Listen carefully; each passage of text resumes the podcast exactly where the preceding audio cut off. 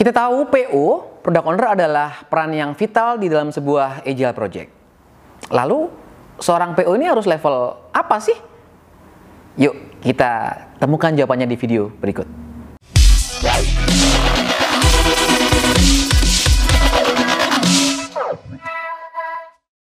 Di video sebelumnya, saya sudah membahas mengenai peran-peran yang esensial di dalam sebuah agile project.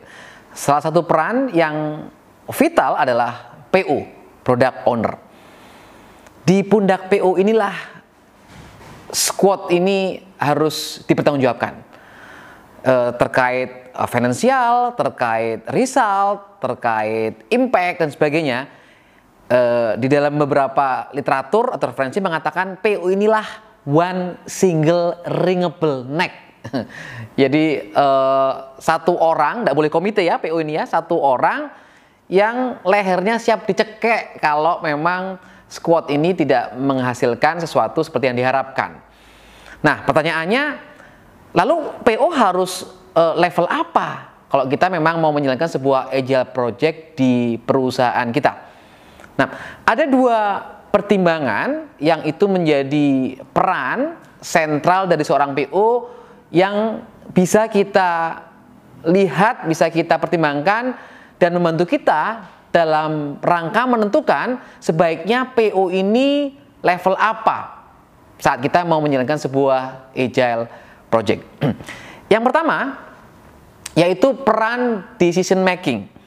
Kita tahu bahwa PO lah yang memiliki otoritas untuk menentukan what dari solusi yang akan dideliver oleh squad, dari produk yang akan dideliver oleh squad. Menentukan prioritas bahwa mana yang lebih dulu, mana yang harus ditunda, mana yang kemudian diyakini akan memberikan manfaat, mana yang uh, ini harus ditaruh di belakang karena effortnya gede begitu ya. Sementara value-nya sama dengan uh, yang lain sehingga ada backlog lain yang didulukan begitu. Termasuk ROI return on investment dari sebuah agile project itu kepada PO lah akan dimintai pertanggungjawaban. So karena peran decision making ini uh, di area uh, anggaran finance gitu ya, kemudian juga di area dalam rangka merekrut mengelola squad member termasuk akses terhadap infrastruktur perusahaan, maka kita bisa cek kalau misalkan uh, di perusahaan kita ada sebuah aturan bahwa manajer atau general manager itu punya batasan mengambil keputusan tentang sebuah anggaran sejumlah sekian rupiah, kita bisa alignkan dengan squad mission Kira-kira squad ini atau PO dari sebuah squad itu perlu ngambil keputusan hingga berapa rupiah gitu ya sehingga kita bisa lainkan begitu. Kalau misalkan oh kayaknya perlu sampai batasan GM ya maka kepada GM lah atau di level GM lah PO itu perlu kita uh, kemudian kita kita kita define atau kita tentukan seperti itu ya. Termasuk di area manpower dan akses-akses kepada uh, resources dan infrastruktur tertentu. So itu faktor decision making. Yang kedua adalah faktor building alliance. Kita tahu bahwa saat kita men-set up sebuah agile project, selain kita perlu menentukan misi, perlu membentuk tim, kita juga perlu membangun aliansi.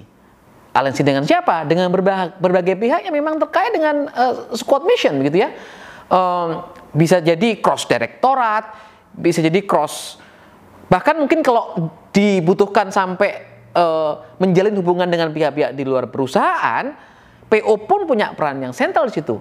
So perlu dipertimbangkan pada level apa sebenarnya uh, seorang PO ini yang punya kepentingan untuk membangun alliance itu sehingga tepat kita taker bisa menjalankan perannya dalam membangun aliansi dalam rangka mendukung squad mencapai misinya.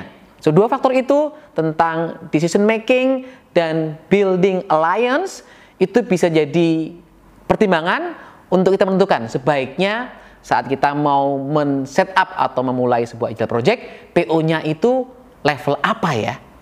Demikian. Semoga bermanfaat ketika Anda mau memulai sebuah agile project.